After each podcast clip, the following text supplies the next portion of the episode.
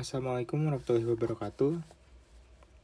Perkenalkan, nama saya Ardiansa Adiaksa dari kelas 12 IPA 7. Pada kesempatan kali ini, saya ingin menceritakan sebuah perjalanan hidup dari sosok orang yang mampu menginspirasi banyak orang lantaran perjuangan dan sosoknya yang dikenal sebagai sosok yang pekerja keras. Dan sosok itu ialah Bob Sadino. Langsung saja, mari kita mengenal lebih dekat dengan pengusaha sukses Bob Sadino. Bambang Mustari yang kemudian akrab dikenal Bob Sadino adalah sosok inspiratif kelahiran Tanjung Karang, Lampung pada tanggal 9 Maret tahun 1933. Bob Sadino merupakan anak bungsu dari lima bersaudara dari pasangan Bapak Sadino dan Ibu Itina. Ia dibesarkan oleh keluarga yang berkecukupan dengan sang ayah yang berprofesi sebagai guru dan juga kepala sekolah pada saat zaman Belanda dahulu. Kondisi keluarganya yang dibilang mapan pada saat itu tak membuat Bob Sadino menjadi manja dan menggantungkan hidupnya pada keluarga. Melainkan, ia tumbuh mandiri dan kompeten. Saat usianya masih 19 tahun, Bob Sadino telah kehilangan sosok sang ayah meninggalnya sang ayah yang juga meninggalkan harta warisan untuk dirinya, privilege yang sudah dimiliki Bob Sadino tidak membuatnya mudah puas dan mudah menyerah. Riwayat pendidikan Bob Sadino tercatat ia pernah mengenyam pendidikan di Sekolah Dasar Yogyakarta pada tahun 1947, SMP di Jakarta pada tahun 1950, dan SMA di Jakarta pada tahun 1953. Setelah lulus dari bangku SMA, perjalanan karir Bob Sadino, Sadino pun dimulai. Bob Sadino memilih untuk untuk tidak melanjutkan pendidikan ke perguruan tinggi karena menurutnya seorang mahasiswa ibaratkan seorang pemulung yang memunguti barang-barang yang akan memenuhi otaknya. Dilansir oleh kompas.com, Bob Sadino pernah mengungkapkan, Semakin seorang belajar, otak mereka akan semakin penuh Idealismenya tersebut bukan berarti Bob Sadino meremehkan se sebuah proses belajar. Melainkan ia memiliki cara tersendiri untuk tetap bisa belajar tanpa harus menduduki bangku kuliah.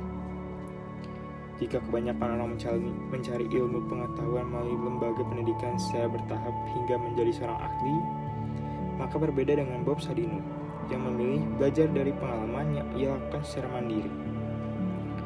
Sejak kepergian sang ayah, Bob Sadino Bob Sadino mulai terjun sebagai pribadi yang mandiri untuk bertahan hidup. Perjalanan karirnya, karirnya pun dimulai dari nol dengan mengambil setiap kesempatan yang mendatanginya.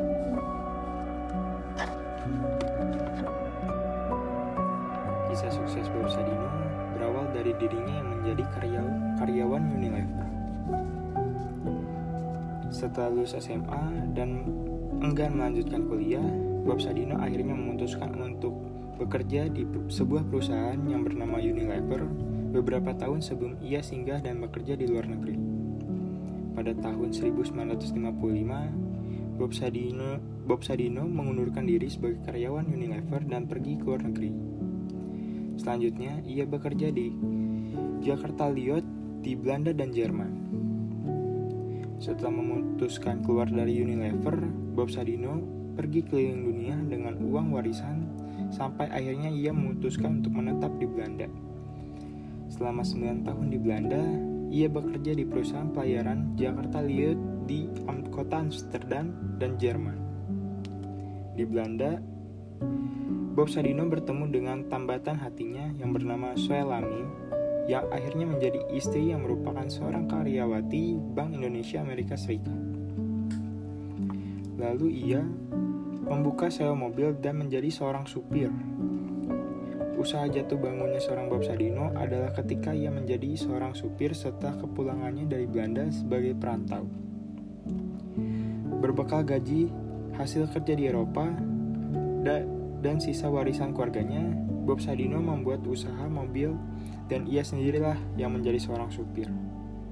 Usaha tersebut tak berjalan lancar setelah musibah kecelakaan menimpa Bob Sadino yang mengakibatkan mobilnya rusak parah. Lalu ia mencoba menjadi seorang kuli bangunan. Akibat musibah yang menimpanya, Bob Sadino mengalami kerugian besar dan tidak bisa melanjutkan usaha sewa dan memperbaiki mobilnya. Desakan kesulitan itu akhirnya membuat Bob Sadino menjadi kuli bangunan untuk menyambung hidup dirinya dan keluarganya. Banyaknya musibah yang menimpa diri Bob Sadino, beliau tetap bangkit yang membuatnya sukses hingga saat ini. Kesulitan ini sempat membuat Bob Sadino mengalami tekanan dan depresi karena gaji yang ia terima sangat pas-pasan untuk memenuhi kebutuhan keluarganya. Namun, ia tidak putus asa. Ia mencoba untuk memulai sebuah bisnis telur ayam negeri. Bob Sadino memiliki rekan pensiunan Jenderal Angkatan Udara bernama Sri Mulyono, yang juga merupakan perintis usaha ayam ras. Ia adalah pendiri Himpunan Peternak Unggas Indonesia atau PPUI yang kemudian menyarankan Bob Sadino untuk memelihara ayam. Saran rekannya itu akhirnya muncul ide Bob Sadino untuk memiliki sebuah usaha ternak ayam dengan hasil temuan baru. Jika ukuran telur ayam lokal sebelumnya berukuran lebih kecil dibandingkan ukuran telur ayam di luar negeri. Bob Sadino kemudian mengembangbiakan ayam boiler yang ia pelajari dari majalah peternakan yang berbahasa Belanda. Mengingat ia bukanlah lulusan ilmu peternakan membuat Bob Sadino mencari sumber belajar. Pertama, Bob Sadino mencoba menawarkan telur ayam negeri ke tetangga-tetangganya di daerah Kemang, Jakarta.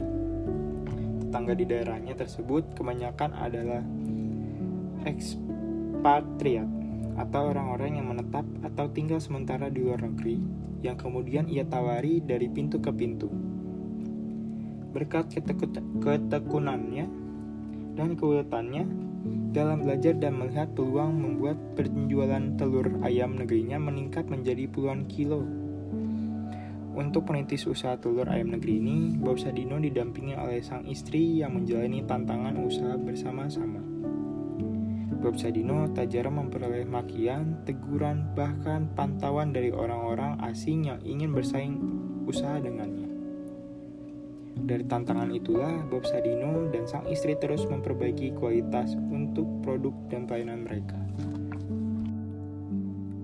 Usaha telur ayam negerinya yang terus meningkat membuat Bob Sadino tidak membuatnya mudah puas. Ia pun akhirnya mengembangkan bisnisnya ke bisnis sayuran. Ia berhasil melihat peluang dengan mengembangkan sayur mayur dan buah-buah luar negeri yang belum ada di Indonesia.